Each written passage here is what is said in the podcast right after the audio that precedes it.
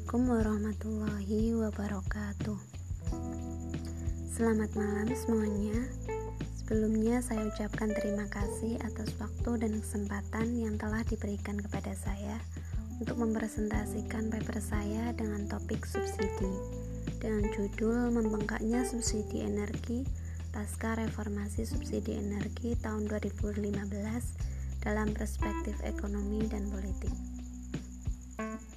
Seperti yang tersurat dalam judul paper saya, masalah yang saya angkat dalam paper saya yaitu adanya pelonjak, pelonjakan anggaran subsidi energi pasca reformasi subsidi energi tahun 2015 dengan fokus pembahasan pada tahun 2018. Mengapa? Karena tentunya selain alasan alasan ekonomi bertepatan dengan tahun 2018 yang juga mendekati tahun politik sehingga melonjaknya subsidi energi menjadi menarik untuk dianalisis baik dari sisi ekonomi maupun dari sisi politik.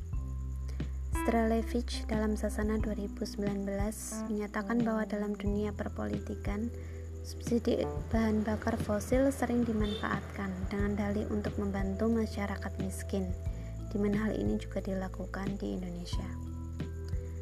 Baik teman-teman, sebelum kita membahas lebih lanjut, saya akan sampaikan terlebih dahulu mengenai pengertian subsidi itu sendiri, kemudian secara subsidi energi di Indonesia, dan kemudian barulah pembahasan mengenai dampak-dampak ekonomi maupun politik dari melonjaknya subsidi energi tahun 2018. Untuk pengertian subsidi, World Trade Organization atau WTO mendefinisikannya sebagai sumbangan keuangan dari pemerintah atau wakil pemerintah yang dapat memberi manfaat bagi penerimanya. Tujuan adanya subsidi yaitu sebagai alat agar daya beli masyarakat dapat meningkat dan juga untuk meringankan beban masyarakat atas harga barang yang menguasai hajat hidup orang banyak sehingga semua golongan masyarakat dapat menikmatinya. Subsidi dalam postur APBN secara garis besar dibagi menjadi dua, yaitu subsidi energi dan subsidi non-energi. Subsidi non-energi meliputi subsidi pertanian, subsidi pangan, subsidi benih, subsidi pupuk, PSO atau Public Service Obligation, subsidi pajak, dan subsidi lainnya. Sedangkan subsidi energi meliputi subsidi BBM, subsidi BBN atau bahan bakar nabati, subsidi LPG, subsidi LGV atau liquefied gas for vehicle, dan subsidi listrik. Selanjutnya, untuk sejarah subsidi energi di Indonesia, kita mulai dengan subsidi BBN. Untuk subsidi BBN mulai diberlakukan oleh pemerintah sejak tahun 2009 namun, presentase untuk subsidi BBN dan juga untuk subsidi LGV dalam APBN masih sangat kecil jika dibandingkan dengan anggaran subsidi energi lainnya. Selanjutnya untuk subsidi BBM. Subsidi BBM telah diberlakukan di Indonesia sejak masa Orde Baru dan bertahan hingga saat ini.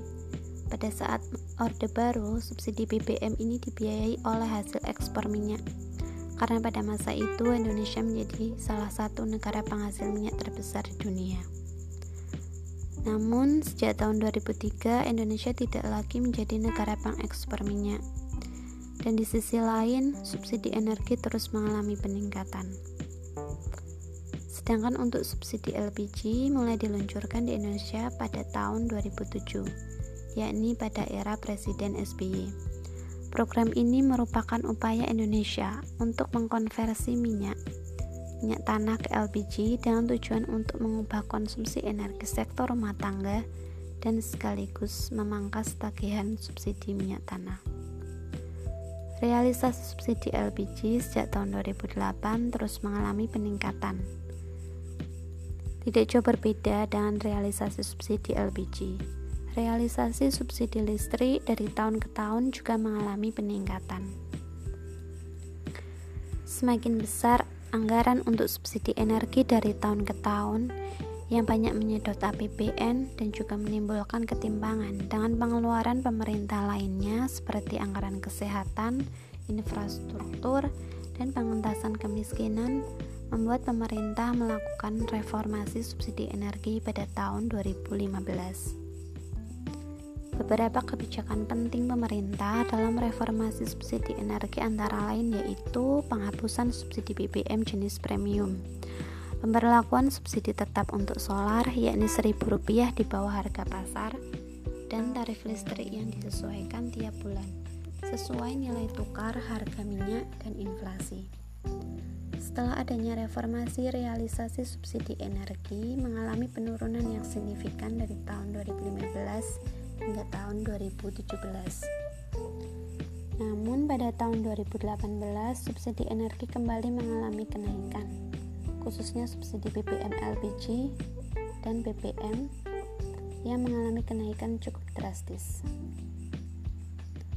Realisasi subsidi energi tahun 2018 yakni sebesar 153,5 triliun, melonjak dari anggaran di APBN yang hanya sebesar 94,5 triliun.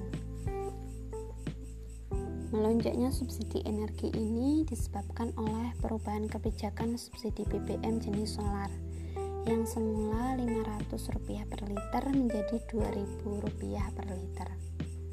Meningkatnya subsidi solar ini dilatar belakangi oleh adanya kenaikan harga minyak Brent yaitu klasifikasi minyak yang dijadikan sebagai patokan harga pembelian minyak di seluruh dunia.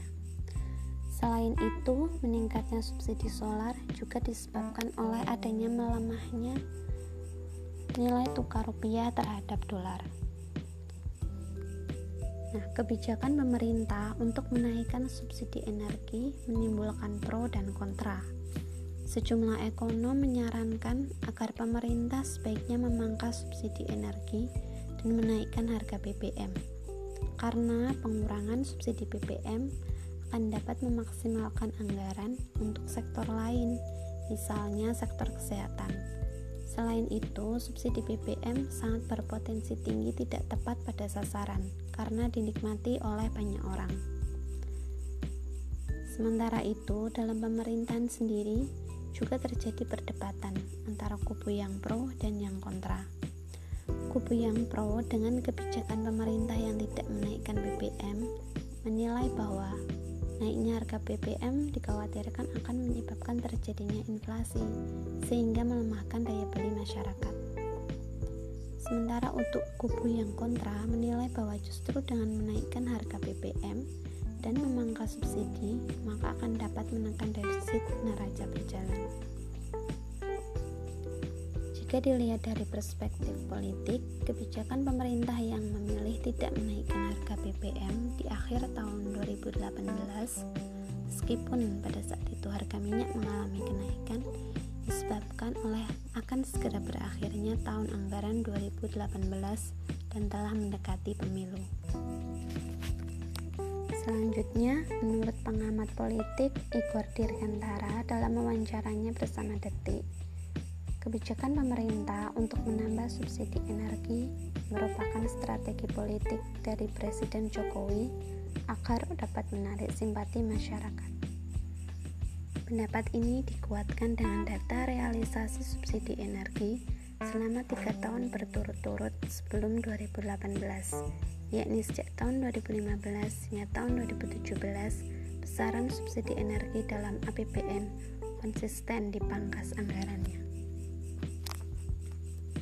Nah, dengan adanya kebijakan pemerintah menambah anggaran subsidi energi menyebabkan realisasi belanja lain-lain pada tahun 2018 hanya mencapai sekitar 24% dari target.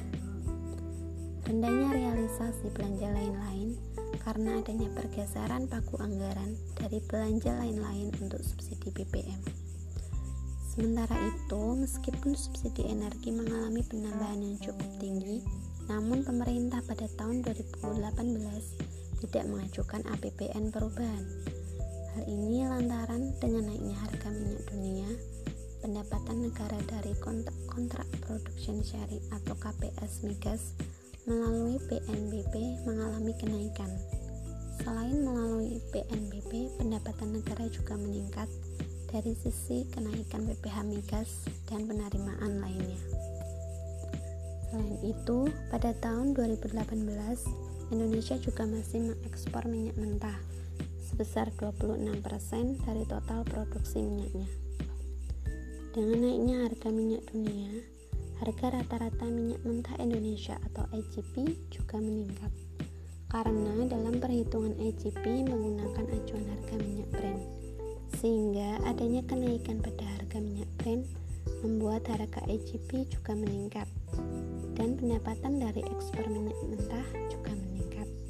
Dari pertambahan penerimaan negara tersebut dapat digunakan untuk tambahan anggaran subsidi.